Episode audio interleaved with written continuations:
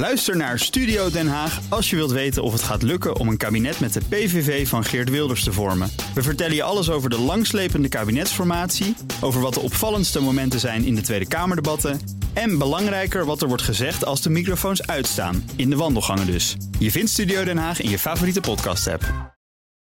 Big Five van Psyche en Werk wordt mede mogelijk gemaakt door Hey, het is oké. Maak psychische klachten bespreekbaar. Hey, het is oké.nl. BNR Nieuwsradio. The Big Five. Paul van Liemt. De mentale gezondheid van Nederland was de eerste helft van dit jaar op een dieptepunt. Wat betekent dat voor onze productiviteit op het werk en voor het ziekteverzuim? Hoe wordt werk in Nederland weer gezond? Ik duik deze week in oorzaken en oplossingen met vijf experts. Hij wordt gezien als de autoriteit op het gebied van burn-out, maar ook op het gebied van het tegenovergestelde, namelijk bevlogenheid. Vandaag is Wilma Schauffele bij mij, is arbeids- en organisatiepsycholoog klinisch psycholoog en emeritus hoogleraar arbeids- en organisatiepsychologie aan de universiteiten van Utrecht en Leuven. Welkom. Dankjewel. Ja, dat is een hele mond vol en uh, we gaan het hebben over burn-out, over bevlogenheid natuurlijk. Maar eerst wil ik uh, twee dingen van je weten. Je, hè, mag, hè, we hebben met elkaar afgesproken elkaar te tutoyeren. Wat ik nu zojuist gezegd heb, deze introductietekst. Ik, ik, heb gelezen dat je af en toe heel kritisch naar de media kijkt. En zo hoorde het ook natuurlijk. was dit to the point of is hier wel wat op af te dingen? Over wat je over mij hebt gezegd als uh, aankondiging bedoel je? Ja, eigenlijk alles. En ook over burn-out en dat het tegenovergestelde bevlogenheid is. Ja, dat, dat, dat kun je inderdaad wel zo zeggen. In het ene geval van burn-out gaat het over een gebrek aan mentale energie. Een uitputtingstoestand. En bij bevlogenheid gaat het om uh, heel erg bevlogen zijn. Heel erg um, veel mentale energie hebben. Ja, in die zin is dat het uh, tegenovergestelde, zou je kunnen zeggen. In die zin wel. Ik, vraag het toch even, omdat je dat natuurlijk wel heel vaak ziet. Verhalen over, uh, over burn-out. Het kwam geloof ik een jaar of tien geleden meer op. Uh, nu bijna elke dag wel een publicatie, iets erover. En dan levert het natuurlijk ook veel misverstanden op. En ik denk zeker als je lang in het vak zit, dat je af en toe denkt: wacht even, dat klopt niet helemaal wat die staat. Nee, dat klopt. Kijk, ik, ik vind het ook wel mijn taak als wetenschapper om, uh, om inderdaad kritisch daarover te zijn. En wat ik probeer is zoveel mogelijk mij op feiten een wetenschappelijk onderzoek te baseren. Van mijzelf, maar ook van andere collega's. En uh, ja, vanuit dat perspectief valt er wel het een en ander te zeggen over hoe wij in Nederland het begrip burn-out bijvoorbeeld gebruiken. Nou ja, dat is een hele mooie, daar gaan we zo meteen op door. Hè. Dat, is een, uh, dat is een duidelijke. Dat er gelukkig een en ander over te zeggen valt. Dat is ook fijn als we nu gaan praten. Zeker. En de tweede, de tweede vraag. Uh, wat is je valkuil, je eigen valkuil, als het gaat om werkstress? Van mezelf? Ja. Ja, dat je te veel werkt. Dat is denk ik typisch voor, niet alleen maar voor mij, maar voor een heleboel mensen, uh, ook voor een heleboel collega's van mij in de, in de academie. Werkdruk is heel erg hoog op universiteiten. Het werk is nooit af. Dus als je s'avonds thuis komt en je hebt de hele dag ja, college gegeven, je hebt vergaderd met mensen, je bent op een congres geweest of wat dan ook, dan ga je s'avonds nog even lekker aan dat, aan dat artikeltje schrijven. En je gaat nog wat berekeningen doen, of je gaat nog wat lezen, of je gaat nog een commentaar geven wat een collega geschreven heeft. Het is nooit af. Daar komt het eigenlijk op neer. En als je iets leuk en interessant vindt, ja, dan is het wel eens lastig om die grens te trekken. Maar ook met je eigen achtergrond en je eigen vakgebied. Je zou bijna zeggen, dan ben je overbewust en misschien ook wel zeer bewust is van wat, wat de valkuilen zijn. Dat je, dat je oplet, of is die valkuil uh, ja, net zo groot kijk, voor jezelf? Kijk, tandartsen hebben ook een gebit. En, en psychologen die hebben ook een, een psyche. En ja, je, je, het, het zou heel aanmatigend zijn om te denken dat die dingen die voor andere mensen gelden, niet voor mij zou gelden. En niet voor mensen die jij kent. Ik bedoel, in die zin ben je onderdeel uh, van, een, ja, van een groter geheel. En de, de, de principes die bij andere mensen een rol spelen die je bestudeert, ja, die spelen bij jezelf natuurlijk even zo goed een rol. Zou je jezelf omschrijven als een, als een workaholic? Ja, grens, grensgeval zou ik zeggen. uh, nou ja, kijk, de, de, de, de de scheidslijn tussen burn-out, of sorry, tussen bevlogenheid en, en workaholisme, die is uh, niet heel erg absoluut. Uh, een kenmerk van bevlogenheid is, laten we zeggen, intrinsieke motivatie. Je werkt omdat je het werk leuk vindt. Vind je plezierig, je, je wilt er naartoe, je hebt een soort appetite, heet dat dan in het Engels. Een approach motivation wordt dat in de psychologie genoemd. Uh, en bij, uh, bij gaat het om uh, dwangmatig hard werken. En daar heb je een andere motivatie, ligt daaronder. En dat is een, een avoidance motivation. Dan zou je kunnen zeggen, ja, avoidance, wat vermijd je dan? Nou, bij een iemand die een, een werkverslaving heeft, die, die workaholic is, die moet werken, omdat als hij niet werkt, dan krijgt hij allerlei negatieve gevoelens en emoties. Hij voelt zich overbodig, nutteloos, schuldig. En daarom gaat hij werken. Niet omdat het werk zo leuk is, maar omdat niet werken een heel vervelend alternatief is. Dus in die zin zijn dat andere dingen. Maar er zijn ook, ja, als je daar wat beter naar kijkt in onderzoek, zijn ook mensen en die zijn wel bevlogen, maar er zit ook wel een beetje een randje van iets dwangmatigs aan. Dat kan ik bij mezelf zelf ook niet, uh, niet ontkennen. Dus in die zin uh, een soort maar hybride. Maar voor, wat is dat dwangmatige dan? Nou, dat dwangmatige is dat je, uh, als je vrije tijd hebt, dat je denkt van nou, ik moet toch nog even zorgen dat, dat ik die e-mails nog even beantwoord. Ik moet toch nog even dit artikeltje lezen. Ik moet toch nog even dat commentaar geven. En dat laat je dan gewoon niet los. En dat vind je dus dan ook belangrijker dan bijvoorbeeld de mensen om je heen? Nou ja, kijk, je gaat, naar, je gaat naar de bioscoop en dan zit je van tevoren zit je een, een kopje koffie te drinken. En dan denk je daaraan. En, en dan hoor je misschien niet precies wat uh, jouw partner of jouw, jouw vriend of je, je kennis op dat moment tegen je zegt. En dan zit je in die film en dan, ja, dan is het allemaal weer de weg natuurlijk. Maar er, er zit een soort gevaar in. En uh, ja, daar, daar moet je strategieën voor ontwikkelen. Dus je moet op een gegeven moment ook tegen jezelf zeggen: van nou, ik, ik werk per definitie op zaterdag nooit. En dan ook echt nooit. En ik ben nu met pensioen. En ik heb nu tegen mezelf gezegd: ik werk s'avonds niet meer. Deed ik vroeg altijd. doe ik nu niet meer. Dat lukt ja. ook? Ja, dat lukt ook. S'avonds dat lukt ook. Netflix kijken.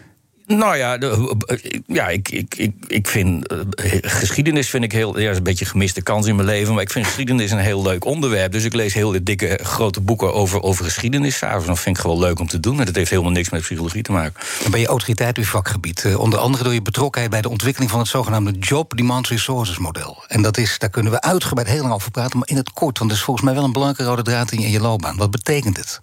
Ja, dat is een model wat ik heb ontwikkeld met, uh, met collega's aan de Universiteit Utrecht. En wat internationaal nu eigenlijk heel veel wordt gebruikt op het gebied van arbeid en gezondheid. En uh, kijk, heel simpel gezegd, als je het helemaal plat slaat, komt dat model erop neer dat je uh, energiebronnen in je werk hebt. Denk bijvoorbeeld aan autonomie die je krijgt, steun van collega's, feedback waar je wat mee kunt, ontwikkelingsmogelijkheden, loopbaanmogelijkheden, allerlei positieve dingen waar je energie van krijgt, klanten die tevreden zijn. Aan de andere kant heb je ook stressoren. Denk aan, je moet heel hard en heel veel werken. Uh, je, er zijn conflicten op het werk. Uh, je weet niet precies wat er van je wordt verwacht. Uh, er is werk-thuis-interferentie. Hè? Dus ja, het, het loopt elkaar over en dat is allemaal spannend en lastig. En die twee dingen die moeten met elkaar in balans zijn. En het idee is, als dat zo is, en met name als je veel energiebronnen hebt, dan ben je dan raak je in een staat van bevlogenheid, om het zo maar even te zeggen. We noemen het heel vaak ook een Met flow. flow. Maar mag ik even, is, is dat, dat is meer een moment? Want dat Ja, is precies. een van de mooiste dingen die je kunt hebben, maar je moet ook niet voortdurend in een flow zitten, toch? Nee, maar dat kan ook niet. Kijk, flow Nee. is, is, is, is gedefinieerd als een, een piekervaring. Ja, en een piek per definitie duurt lang. Want als, het, als een piek te lang duurt, dan wordt het een plateau. En dan is het geen piek meer. Dus een, een piek kan alleen maar bestaan als er ook een dal is. Dus betekent dat je... Ja, de klassieke voorbeeld van een chirurg die bezig is met een, met een operatie... die een paar uur kan duren. Eh, en dan is die helemaal in flow. Een sporter, een schaker, een golfer, een bergbeklimmer. Dat zijn allemaal piekmomenten die je kunt. Nee, kunnen gewone mensen kunnen dat ook ervaren. Maar je kunt niet drie dagen alleen in een, in een flow zijn. Nee, dat kan niet. Maar is het wel aan te raden als je ervan geniet? Je weet dat een flow heel fijn is en prettig is. Je kent de ervaring om zoveel mogelijk in een flow proberen terecht te komen. Zeker. En mensen die bevlogen zijn, die kunnen hun, hun werksituatie en, en de dingen om hen heen ook op een dusdanige manier beïnvloeden dat ze die flow ook ervaren. Dus mensen die, dat hebben wij ook in onderzoek laten zien, mensen die bevlogen zijn, die hebben vaker eh, flow-ervaringen.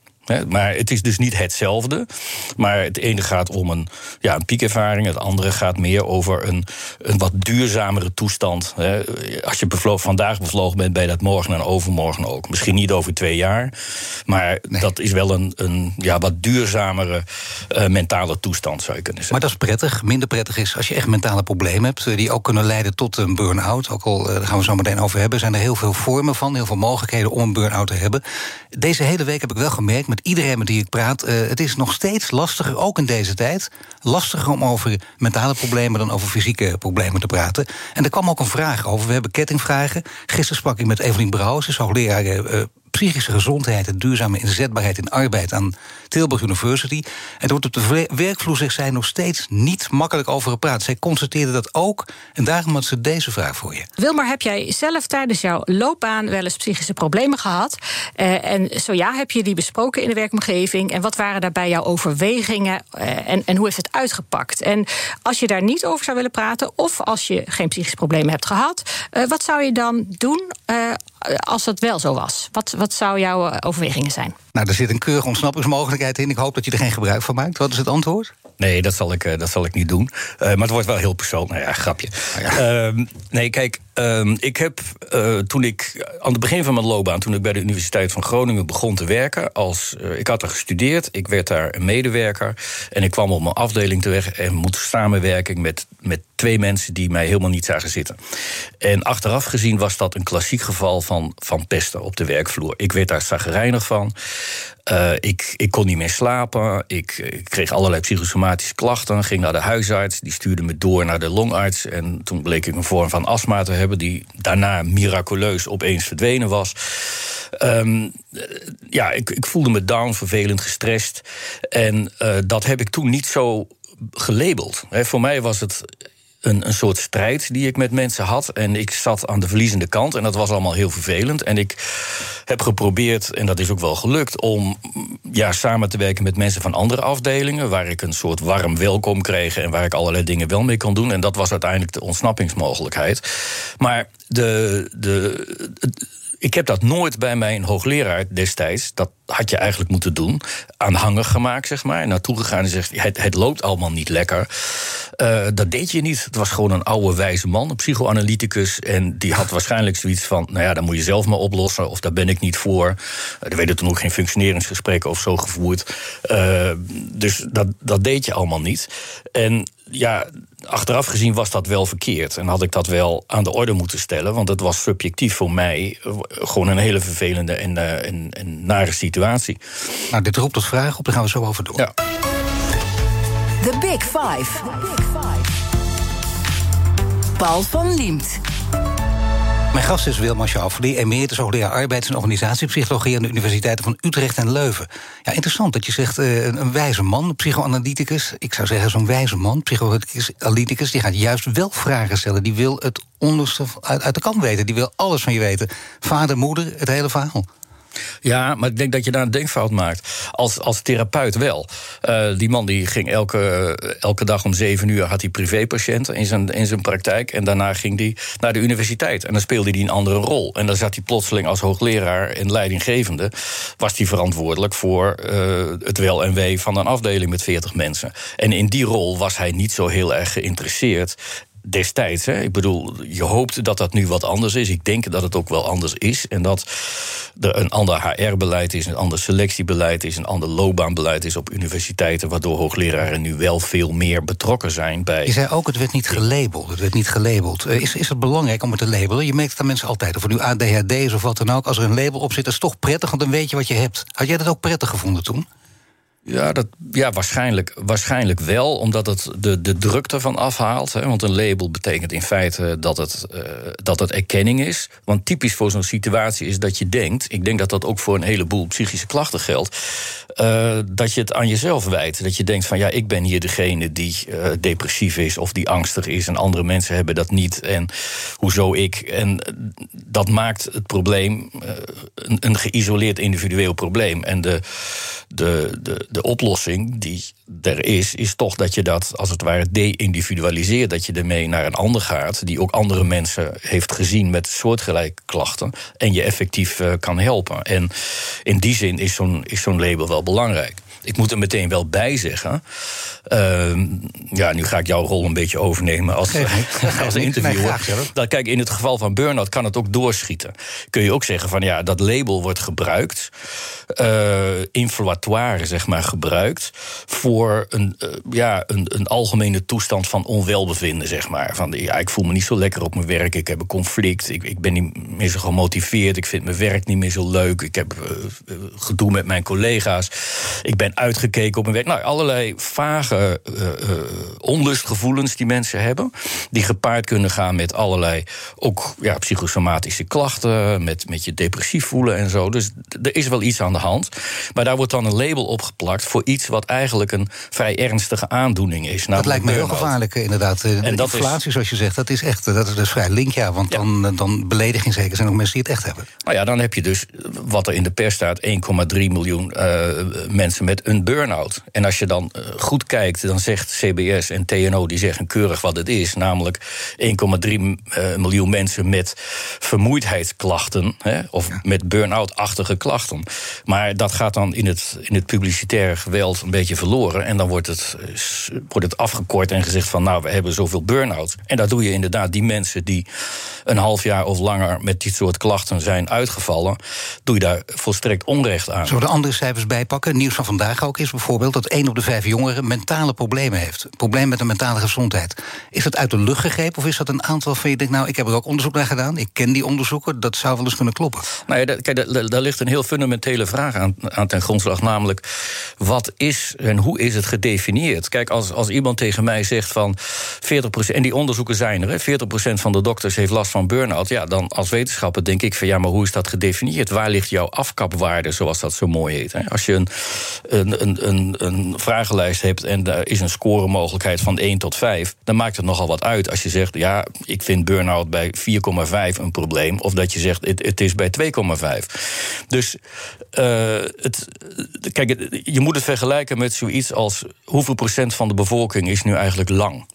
Ja, dat hangt er maar van af hoe je het definieert. Als je zegt, ik vind twee meter vind ik wel lang. Nou, dat is misschien 5% van de bevolking lang. Maar als je zegt, ik vind 1,85 wel, vind ik ook wel lang... dan is plotseling geen 2%, maar 20 of 30 of 40%. Maar dus als het over obesitas gaat, hebben we daar gewoon hele harde richtlijnen toe voor. Dan ja, maar precies wat er aan de hand is. Heel goed, heel goed. Dat, dat, dat is waar. Maar uh, voor... Ook wel, professor. Nou ja, voor burn-out zou je dat, zou je dat nog kunnen doen. Hè. Dan zou je nog kunnen kijken, daar zijn ook criteria voor. Dan zou je kunnen zeggen, nou, dan moet je minimaal uh, zes maanden van die klachten last hebben. En dat zijn die en die en die en die klachten. Uh, dat is ook min of meer objectiveerbaar. Maar dat is niet met de vragenlijst te meten. En uh, iets anders is met die bevlogenheid, is hetzelfde geval. In Nederland, dat dat heb ik op Europees niveau onderzocht. Europese cijfers, 40.000 uh, mensen in Europa, representatieve steekproeven. En wat blijkt? Nederland heeft de meest bevlogen medewerkers. en hetzelfde geldt voor geluk. Als je Wordt kijkt... een nieuwsbericht ook? Want ik bedoel, dat je zou zeggen, daar kun je, daar kun je het journaal mee openen. Nou ja, ja, kijk, ik zat gisteren naar op één te kijken. En uh, toen was er een item en dat ging over toegenomen of afgenomen uh, inkomensongelijkheid. En, en dan zie je iets heel interessants: dat uh, het ja, gereputeerde onderzoekers, zoals ze in België zeggen, van de Universiteit Leiden en het CBS, die hadden vast de afgelopen tien jaar is de, is de inkomensongelijkheid niet, niet toegenomen. Nou, dan wordt dat gemeld en dan zie je onmiddellijk, Kim Putters was er in dit geval, een man waar ik heel veel respect voor heb, daar gaat het verder niet om. Maar die, die gaat dan zeggen van ja, maar er zijn wel 200.000 mensen zus en het is wel zo en het is wel dit. En Jort Kelder zei terecht van ja, ho, ho, wacht even. Maar dat is toch eigenlijk ook wel goed nieuws. En zo gaat het natuurlijk vaker. Dat als er een bericht is wat zegt dat de Nederlandse jongeren, en dat eh, is een onderzoek wat, uh, wat uh, gedaan is door. Volgens mij is het de Wereldgezondheidsorganisatie geweest of een andere goede enquête. Nederlandse jongeren zijn samen met de jongeren uit Scandinavië. Het zit altijd hetzelfde usual suspects. Het is IJsland, Finland, Noorwegen, Zweden, Denemarken. Nederland hoort er ook bij. Wij zijn de gelukkigste landen ter wereld. maar alle landen waar de zon niet dagelijks schijnt. Nou, alle, alle, alle landen die, een, uh, die op een fatsoenlijke manier worden geregeerd, waar de, uh, waar de inkomensongelijkheid niet heel erg groot is, waar die hoog scoren op een democratie-index, op een integriteitsindex, op uh, dingen als persvrijheid enzovoort, enzovoort. Dus als een goed geregeerd land waar mensen vertrouwen hebben in de instituties. Mag ik toch een cijfer van CBS-cijfer bijpakken, wat ook onderbouwd is, en ik zal even citeren ook. CBS-cijfers, eruit eh, het eerste half, halfjaar van 2021 was de mentale gezondheid van Nederlanders op een dieptepunt. 15% van de bevolking van 12 jaar of ouder was psychisch ongezond.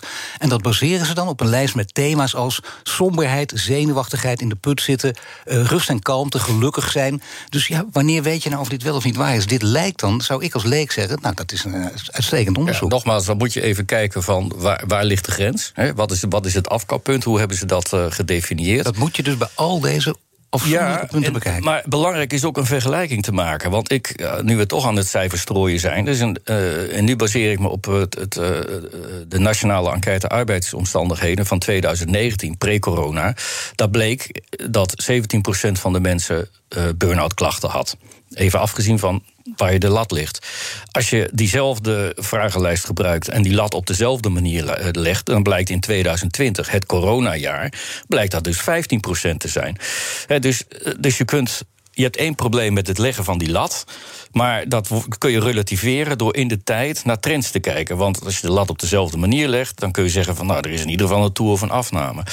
Dus kijk, ik ben niet verbaasd dat over dat cijfer wat je net noemde, omdat het andersom gezien heel erg verbazingwekkend zou zijn als je in een situatie waarin we met z'n allen hebben gezeten met COVID, uh, waarbij mensen niet meer vrij konden bewegen, waardoor allerlei leuke uitgaansmogelijkheden, vertier, was er allemaal niet, als dat geen effect zou hebben. Nee, je kunt het ook omdraaien. Je kunt zeggen, ja, natuurlijk is dat, natuurlijk is, is dat. Dat is meer het idee van, dan kun je natuurlijk nog zeggen, is het alarmerend en moet onmiddellijk actie worden uh, gegeven? Zeg je, nou, dat gaat vanzelf over. Dat, niet om het dus te verdoezelen of het weg te moffelen, maar die relativering is wel van belang. Nou ja, en ik zou kijken naar andere indicatoren. Want het blijkt bijvoorbeeld ook dat het aantal suicides bijvoorbeeld niet toegenomen is. En dat is een vrij, vrij harde maat. Je zou ook kunnen kijken naar andere dingen, zoals ziekteverzuim. Dat is een beetje lastig in die COVID-situatie, dat realiseer ik mij.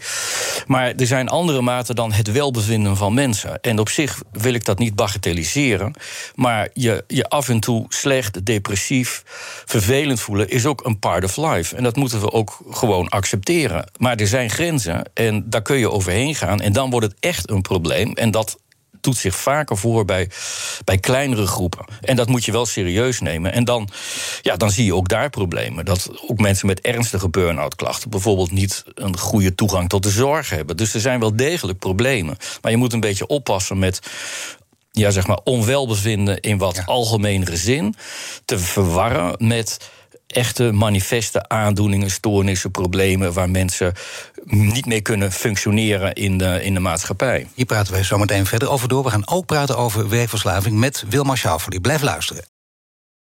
Ook Hugo Reitsma vind je in de BNR-app. Superhandig die BNR-app. Je kunt alle programma's live luisteren, breaking nieuwsmeldingen. Je blijft op de hoogte van het laatste zakelijke nieuws. En je vindt er alle BNR-podcasts, waaronder natuurlijk de belangrijkste, Boeken zijn in de wijk. Download nu de gratis BNR-app en blijf scherp. BNR Nieuwsradio. The Big Five. Paul van Liemt. Welkom bij het tweede half uur. Deze week vijf kopstukken uit de wereld van psyche en werk. Eerder deze week sprak ik met hoogleraar Evelien Brouwers... over het taboe dat nog steeds rust op mentale krachten, klachten op de werkvloer. Het gesprek is terug te luisteren via de BNR-app. Te gast is Wilma die emeritus hoogleraar arbeids- en organisatiepsychologie... aan de universiteiten van Utrecht en Leuven. Ja, komend half uur wil ik in ieder geval nog eh, twee onderwerpen met je bespreken... namelijk de mentale veerkracht van het ziekenhuispersoneel... en de bevlogenheid als tegenhanger van burn-out... waar we al een beetje over hadden. Belangrijk is eerst iets waar we het net even over hadden... toen de microfoon uitstond. En toen hadden we het over de psychologen na corona.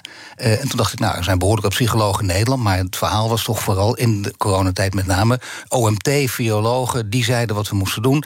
Anderen kwamen niet aan bod. Maar wat blijkt nu? We hebben heel veel psychologen in Nederland. Als je dat vergelijkt met, met de rest van de wereld. Hoe zit dat precies? Ja, ja Nederland is samen met, als ik het goed heb... Zweden, Israël en uh, een paar staten in Amerika... Californië en New York... heeft de hoge, de hoogste psychologendichtheid. Het grootste aantal psychologen per, per hoofd van de bevolking. Ja. En dat, ja, dat, dat is, is een mixed blessing, laat ik het zo zeggen. Aan de ene kant is het goed. Hè, dat is mijn eigen beroepsgroep, daar ben ik trots op. Denk, wij hebben wat te melden met elkaar. Aan de andere kant kan het er ook toe leiden dat uh, ja, problemen worden gepsychologiseerd. Uh, elke aanbod schept ook zijn vragen. Dus als je heel veel psychologen hebt, ja, dan komt er ook uh, vanzelf een vraag naar psychologische diensten. En die psychologen die ja, mengen zich in het, uh, in het debat. En dat kan er ook toe leiden dat je, zoals in het geval van burn-out, misschien toch een, een, een, ja, dat de balans een beetje zoek raakt. En dat mensen heel sterk vanuit die psychologie gaan, uh, gaan argumenteren. Maar ik wist niet dat het zo was. Dat Nederland op dit gebied ja. ook koploper was. Zoveel psychologen per hoofd van de bevolking, een van de meeste zelfs. Dus wij psycholo psychologiseren te veel, zou je dat kunnen zeggen? Nou ja, wij moeten oppassen dat we die. Ik zei al, het is een mixed blessing. Dus aan de ene kant is het, is het ook goed dat er psychologen zijn en dat, dat er een psychologisch perspectief wordt gearticuleerd. Dat is waar. Maar aan de andere kant moeten we tegelijkertijd oppassen dat we ook niet uh, zeg maar overreageren. Dus je, je, moet toch een beetje die balans uh, zien. Nee, dat begrijp ik. Maar hier lijkt de balans een beetje door te schieten als wij koploper zijn op dit gebied. Hoe uitzicht dat? Waar merk je dat vooral aan? Nou ja, dat merk je. Kijk, sla de krant maar eens op. Uh, kijk maar eens naar de tv, luister maar eens naar de radio. En ga eens durven hoeveel uh, problemen er wel niet zijn. Ik reed hier naartoe en toen ging het over TOS. Het is vandaag die, de, de, de Wereld. Uh, TOS wil zeggen taalontwikkelingsstoornissen. Dat is een reële stoornis. Maar daar heeft natuurlijk ook niet iedereen van gehoord. Ehm, als ik straks terug ga, dan zal er wel weer een onderwerp zijn over relaties, over jaloezie, over pest op de werkvloer. Nou, noem maar op. Het is allemaal psychologische onderwerpen. En, en we hebben het daar ook heel veel met elkaar over. En we denken allemaal dat we grote kenners zijn. En we hebben blijkbaar heel veel mensen ook dan ervaring ook met naar een psycholoog toe gaan, ja. professioneel daarmee praten. Dat zou wel een tandje minder mogen uiteindelijk om die balans terug te krijgen. Ja, in sommige gevallen wel. Ik heb net het voorbeeld van die burn-out gegeven. Dat we ook moeten beseffen dat uh, er bepaalde dingen zijn in het leven. En die zijn gewoon vervelend en naar. En uh, ja, daar moet je op een of andere manier mee dealen. En dat hoef je niet per se te labelen in termen van, uh, in termen van problemen, moeilijkheden en aandoeningen. Zou je kunnen zeggen dat we daar te weinig aan gewend zijn? Want dat is wel een, een, een boodschap die misschien niet zo populair is. Want bij alles willen we een oplossing hebben. Maar soms denk je, nou, dat hoort inderdaad bij het leven. Dat moeten we accepteren. Ja. Ja, nou ja, het voordeel een klein, je... beetje lijden hoort erbij. Zou je zover willen gaan? Ja, kijk, het voordeel als je wat ouder bent, dan kun je nog herinneren hoe het vroeger was. Uh, en dat was de, de stiff upper lip. Uh, er is een heel mooi voorbeeld van een, een, een school in Ierland, in een klein mijnwerkersdorpje vlak na de oorlog, waar een, een, een, een berg met mijnafval over een school heen ging, waar ik geloof 20 of 30 kinderen om het leven kwamen. Gebeurde op een vrijdag. Maandag ging die school gewoon open. Die, die kinderen die gingen gewoon weer naar school. En ja, dat is nu volledig ondenkbaar. En nu zeg ik niet dat dat goed is, maar ik denk dat het soms in sommige gevallen helemaal geen kwaad kan om er even niet het erover te hebben. En soms worden we door schade en schande wijs. In de jaren tachtig bijvoorbeeld was het gebruikelijk om, uh, als er een, een trauma op het werk gebeurde, uh, moet je denken aan een, bijvoorbeeld een psychiatrisch patiënt die zelfmoord pleegt of wil plegen, uh, onder een trein komt. En ja, die machinist, dat is natuurlijk een hele traumatische ervaring, een bankoverval. Die mensen werden standaard in een psychologisch programma geplaatst en dat heette dan debriefing. Dus die, werd, daar werd, die moesten praten over hun probleem. Nou, na tien jaar kwam men erachter dat dat eigenlijk niet zo verstandig is. Dat je die keuze aan mensen zelf moet overlaten. Sommige mensen hebben daar baat bij. Andere mensen die hebben er veel meer baat bij dat het heel diep ergens weg wordt begraven. Die hebben er ook helemaal geen last meer van. En die moet je dan ook met rust laten. Dat is overigens ook een resultaat van psychologisch onderzoek. Hè. Dus in die zin pleit ik ervoor dat je op een, op een genuanceerde manier hier naar kijkt. En dat je er ook rekening mee houdt dat sommige problemen. Je hoeft niet over alles te praten. Je hoeft niet alles op tafel te leggen. Soms is het ook goed om dingen te laten rusten en er ergens een plek te geven, heel diep, heel diep weg. Geldt het ook voor het onderwerp uh, in en na coronatijd en na tussen aanhalingstekens? Want we weten nooit hoe het allemaal gaat natuurlijk. Maar de grens tussen werk en privé die werd vervaagd. En dat was lastig, echt lastig voor mensen die, zoals je zelf al zei, een beetje uh, workaholic zijn. Want ja, een, een werkverslaafde die, die, vindt, die vindt dat moeilijk. Die denkt, ja. Of die vindt, ja. die vindt het prettig. Een niet-werkverslaafde denkt, wacht even, nu, nu krijg ik nog steeds meer werk uh, hm. te, te verstouwen. Ja, nee, dat is zo. Maar kijk, als je kijkt naar de gezondheidszorg, uh, tenminste als je daarop doelt in corona, kijk, dat was natuurlijk een hele uitzonderlijke situatie. Uh, nee, ik bedoel het nu nog even in algemene zin. Hè. Over gezondheidszorg wil ik ook nog even, okay. maar echt meer in algemene zin.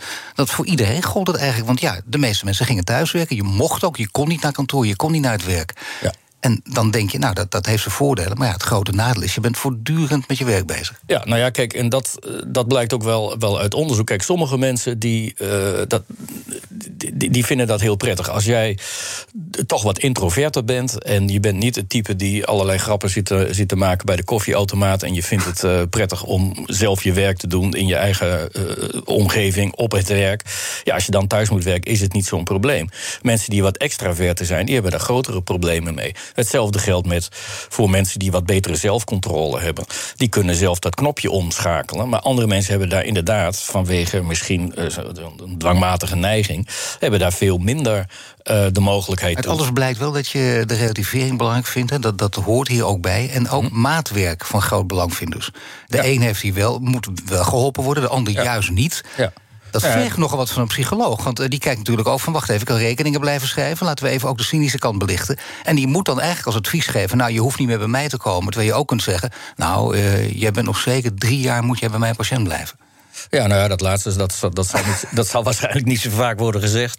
Maar uh, ja, dat is inderdaad waar. Dat, uh, dat is dan de, de, de kwestie van uh, jezelf overbodig maken. Dus als het goed is, wat in, in een therapie ook natuurlijk gebeurt... of in de behandeling of in een adviestraject... is dat de adviseur, therapeut of behandelaar... die maakt zich in de loop van het proces overbodig. Zoals, zodat iemand gewoon zelfstandig weer verder kan. En je probeert natuurlijk zo, dat traject zo kort mogelijk te houden... zodat je zoveel mogelijk mensen kunt, kunt helpen.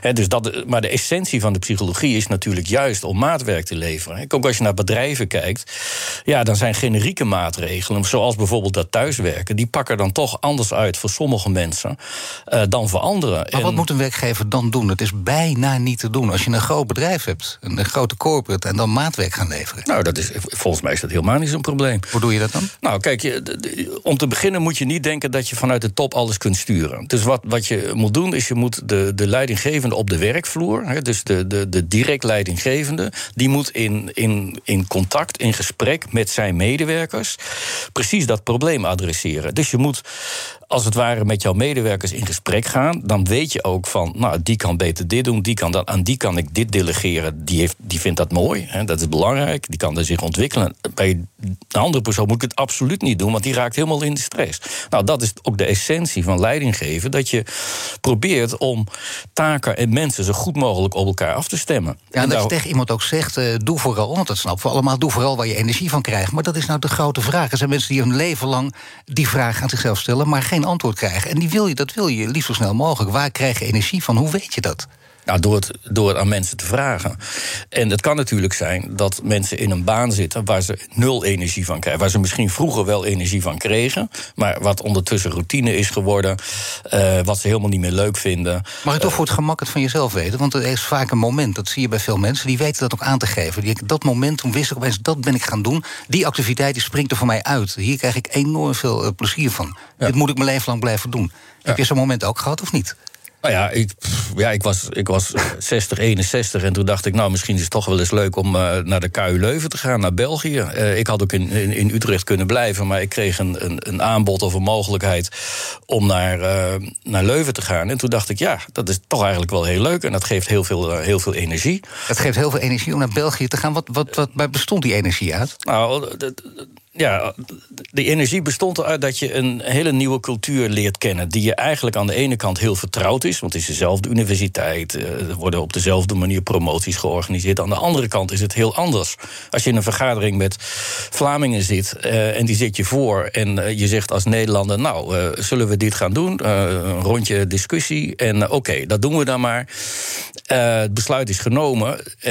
dan wil dat niet zeggen dat de Vlaming dat gaat doen. Want de Vlaming die trekt zijn eigen plan. En die denkt, ja, ik, ik ga daar niet uh, in, die, in die vergadering allemaal moeilijke dingen doen. Ze kunnen me wat. Maar daar kreeg je energie van?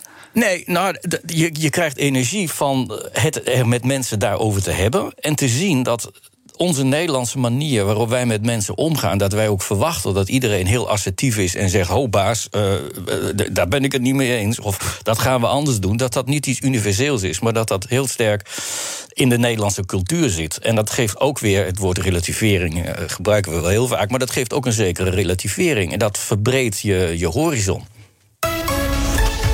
Zometeen praat ik verder met Wilma Schouw... voor de emeritus hoogleraar arbeids- en organisatiepsychologie... aan de Universiteit van Utrecht. En hij zei met een behoorlijke glimlach op zijn gezicht Leuven.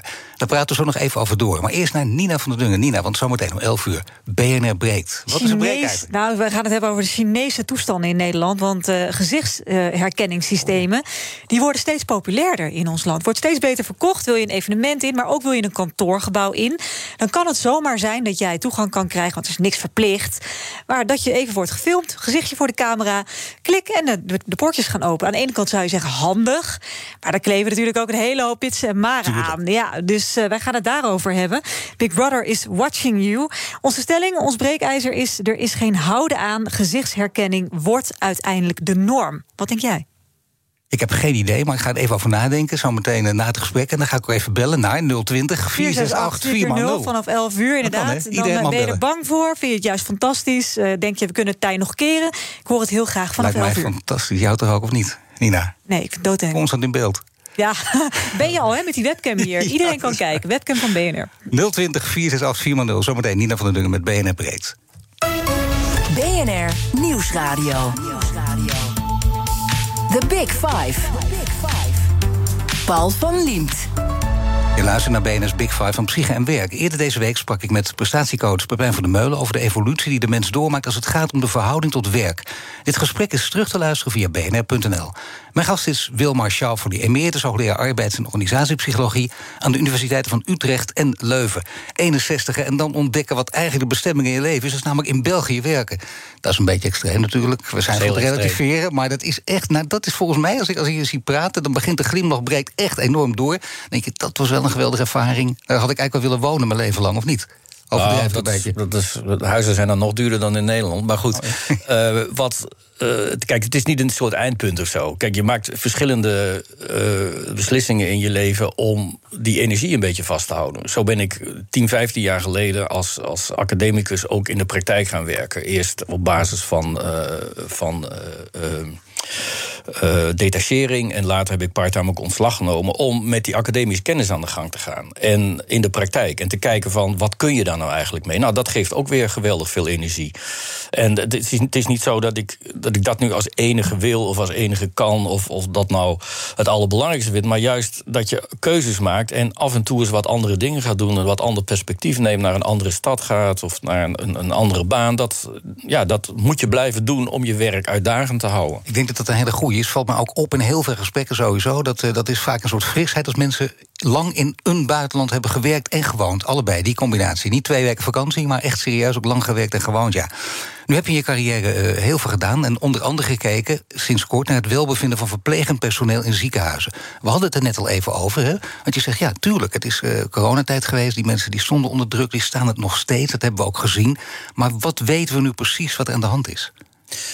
Nou ja, over, over die COVID-situatie, daar beginnen nu de eerste studies uh, over te verschijnen. En uh, dat duurt altijd lang voordat het wetenschappelijk onderzoek uh, is, is gepubliceerd.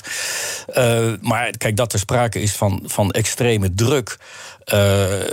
Ook emotioneel. Hè? Want je moet je voorstellen, je werkt in van die pakken. En de, de, de essentie van de verpleegkunde is toch het contact, hè? de ontmoeting met de patiënt. En daar zit nu plotseling een barrière voor, een fysieke. Hè? Je, soms houden mensen naambordjes op om de patiënten duidelijk te maken van uh, wie, wie is. Dus dat heeft een geweldige impact uh, op, uh, op het werk van mensen. Aan de andere kant, en dat is weer dat balansdenken wat ik heel erg belangrijk vind. Aan de andere kant waren ook die verpleegkundigen destijds de, de, de nationale helden. Ja, voor mij zijn ze het nog steeds. Waren ze daarvoor eigenlijk ook al. Um, maar dat, en dat geeft dan ook weer een soort boost. En je hebt ook het idee van, ja, wij vechten bij wijze van spreken in een oorlogsmetafoor, uh, aan het front. En zorgen ervoor dat uh, de mensen achter het front veilig hun gang kunnen gaan. Dus dat, dat geeft dan. En met elkaar dingen doen. Uh, dus er waren zij-instromers of mensen die, die heel lang niet in de verpleegkunde hadden. Dus iedereen die focuste op die taak. En dat geeft ook energie. Trouwens, die zichzelf trouwens ook kan aanbieden. Dat, dat merk je ja, in die periode ja. ook. Want ik heb het heel lang niet gedaan, maar ik merk dat nodig is. Ik wil het nu wel. Ja, nou ja, je, je blijkt dus als land collectief, zeg maar, dit, dit soort hulpbronnen te kunnen kunnen, te kunnen mobiliseren. Hè, met, met als doel om nationaal met elkaar uh, als Nederlanders te zorgen dat wij een, een veilige en een, en een gezonde omgeving kunnen handhaven. Dat maar dat, heel dat helpt ook. Dat helpt ook in die zin dat je enorm veel waardering krijgt, plus dat grote applaus daarbij. Dat helpt werkelijk. Want ik zeg het op vragende toon, omdat natuurlijk ook veel, ook mensen in de verpleging zelf zeiden van nou, ik vind andere dingen veel belangrijker dan dat applaus. Want ze zijn ons straks toch weer vergeten. Maar het helpt ook de andere kant op. Want ik was deze week bij de afdeling toeslagen van de Belastingdienst in verband met een project. En daar hebben ze vreselijk veel last van het feit dat ze een negatief imago hebben. Die mensen die, die doen een stinkende best om te zorgen dat die dossiers snel uh, worden uh, geprocessed, zal ik maar zeggen. Nou, dat gebeurt om allerlei redenen niet goed. En ja, die ervaren nou juist het tegenovergestelde. Hè? Dat zij doen hun best, maar het publiek ziet alleen maar dat het niet lukt en rekent hen daar keihard op af. En dus wat, wat mensen denken, collectief, over een beroepsgroep, ja, dat is toch wel van belang voor, um, voor hoe mensen zichzelf zien, hoe ze zichzelf ervaren. Ja, maar je kreeg een applaus, dat wil ik vooral weten. Dat, dat, daar, ja. werd, daar werd Wisten toch over gedacht. Ook binnen de beroepsgroep zelf. Is dat nou nodig? We willen die voor andere dingen. Dat applaus, dat vervaagt ook als later naar buiten komt... dat bijvoorbeeld uh, het kabinet niet zoveel extra geld voor je over heeft. Ik noem maar wat. Nee, natuurlijk. Kijk, als het alleen om het applaus gaat... en het applaus is een substituut voor uh, een, een reële oplossing... in de zin van uh, meer mensen, meer handen aan het bed... De, minder bureaucratie en dat soort dingen... dan is dat natuurlijk helemaal niet goed. He, dat is geen substituut. Maar het is wel iets wat, uh, wat als extra kan, uh, kan functioneren. Dat neemt niet weg dat er überhaupt, en dat wisten we natuurlijk al lang, dat was voor corona ook zo. Er zijn allerlei studies die aangeven dat er, ja, wij vergrijzen, steeds meer zorg, steeds minder mensen die voor dat vak kiezen. Dus we steven een collectief af op een heel groot tekort aan verpleegkundigen. En dat is nu alleen nog maar prangender geworden. Nu ook mensen gaan uitvallen die het wel even gehad hebben. Want ik geef het je te doen dat je op, op je tenen moet lopen met, met COVID en in een IC niet één, maar twee of drie mensen moet behandelen. Dat is een, verdubbeling, een verdrievoudiging van je werkdruk. En dan daarna heb je nog een heel stuw meer wat je moet oplossen. Dus het is niet verbazingwekkend dat je nu ziet dat daar de, het ziekteverzuim uh, toeneemt. Maar je ziet het voordeel daarvan is, zeggen veel mensen in de zorg, tenminste die ik ook spreek en ken, die zeggen ja, maar er komt nu gelukkig hierdoor ook aandacht voor andere zaken, bijvoorbeeld die bureaucratisering. En voortdurend maar alles op moeten schrijven, dingen die het werk ja. niet, die het er niet prettig op maken. Ja, maar dat, was al zo. Dat was al zo. Er was, een, er was al een. Eh, ik, ik ben daar ook bij betrokken, ook bij onderzoek uh, daarnaar. Uh, er is een project ontregelde zorg. En uh, dat is ook vanuit het ministerie, vanuit verzekeraars in gang gezet om onnodige bureaucratie te schrappen met zogenaamde schrapsessies. Het, het, punt is dat dat alleen veel te langzaam gaat. Mensen ja. zien te weinig, er gebeurt wat. En, en, en de bureaucratie neemt ook af, maar dat gaat heel, heel, heel mondjesmaat. En mensen hebben toch veel grotere verwachtingen. En terecht, denk ik, daarvan. Nu kun je wel zeggen dat de stress niet alleen daartoe slaat, maar ook uh, voor het oog van de natie uh, de ene minister naar de andere die afhaakt vanwege werkstress, burn-out. Je staat er te ver van af, je kent de mensen niet persoonlijk, daar gaat het ook niet om. Maar dat, is dat niet het levend bewijs van dat echt ja. op je tenen lopen dat het voor niemand goed is? Ja, kijk, als klinisch psycholoog kan ik niet ingaan. Dat verbiedt de beroepscode nee, van, mijn, uh, van, van mijn uh, beroepsgroep. Om uh, als je mensen niet gezien hebt, om daar een oordeel over te vellen. Maar in, in algemene zin is het ook niet verbazingwekkend. Dat, kijk, ik denk dat er twee dingen aan de hand zijn. In de, in de eerste plaats is er, denk ik, een, een sterkere druk vanuit de samenleving. Objectief gezien, ook vanuit de Kamer. Dat kun je gewoon zien. Het aantal Kamervragen, het aantal interrupties neemt gewoon toe. Kun je gewoon tellen. Aan de andere kant is er ook een, wellicht een vermindering van de tolerantie. Spreek uh, dat mensen zich sneller uitspreken en sneller aangeven dat ze een probleem hebben. Dat is het thema wat gisteren aan de orde was. En ik denk dat dat op zich ook goed is, want wij weten dat mensen die zich gestrest uh, voelen, die uitputtingsklachten hebben, uh, dat hebben we ook bijvoorbeeld bij dokters onderzocht en verpleegkundigen, die maken gewoon meer fouten. Mag ik voordat ik gestrest raak toch één ding doen dat we niet vergeten, want wij kunnen hier uren over praten, wil ik ook graag. Hopelijk nog een andere keer. Maar we hebben ook nog een kettingvraag. Hè? Onze gasten stellen elkaar kettingvragen. U mag een vraag stellen of jij mag een vraag stellen aan de volgende gast. En dat is in BNS Big Five van de fundamentele vragen. Mooi onderwerp, gepresenteerd volgende week weer van door Art Rooijakkers. Zijn eerste gast is Stan Bentvelse, directeur van NICEF... en als natuurkundige gespecialiseerd in elementaire deeltjes. Kijk eens aan, wat zou je hem willen vragen? Nou, ik heb wel een hele fundamentele vraag. Ik heb uh, uh, ongeveer een jaar geleden een boek gelezen van Stephen Hawking. Dat is de bekende Britse astrofysicus. De titel was, geloof ik, iets van Big Questions, Simple Answers to Big Questions. En wat hij daarin uitlegde, ik kan het niet reproduceren, maar ik vond het wel heel, heel, ja, heel boeiend. Dat hij zegt: het, het kan zo zijn dat iets uit niets ontstaat. Dat is, heel raar. dat is nog voor de oerknal. En mijn vraag aan Stan zou zijn: is dit nu een particuliere opvatting van, van deze meneer Hawkins? Of uh, is dat in de astrofysica en de natuurkunde inderdaad ook een onderzoeksonderwerp? En dat het zo zou kunnen zijn dat uit het niets plotseling iets als tijdruimte ontstaat. En ja, dat is eigenlijk de oplossing van de oude vraag van Aristoteles: van ja, de onbewogen beweger. Van er moet eigenlijk iemand, een soort contradictie, moet eigenlijk iemand of iets moet ooit in gang zijn gezet. Uit het niet kan dat nou of kan dat niet? Hartelijk dank Wilmar die Alle afleveringen van BNR's Big Five zijn natuurlijk terug te luisteren. Je vindt de podcast in de BNR-app en op bnr.nl. Nu Nina van der Dungen met BNR Breed. Dag. BNR's Big Five van Psyche en Werk wordt mede mogelijk gemaakt door Hey, het is oké. Okay. Maak psychische klachten bespreekbaar. Hey, het is oké.nl. Ook Harm Edens vind je in de BNR-app. Je kunt BNR Duurzaam niet alleen live luisteren in de app, maar ook terugluisteren als podcast, zoals al onze podcasts. En naast dat de BNR-app Breaking News meldt, houden we je ook op de hoogte van het laatste zakelijke nieuws. Download nu de gratis BNR-app en blijf scherp.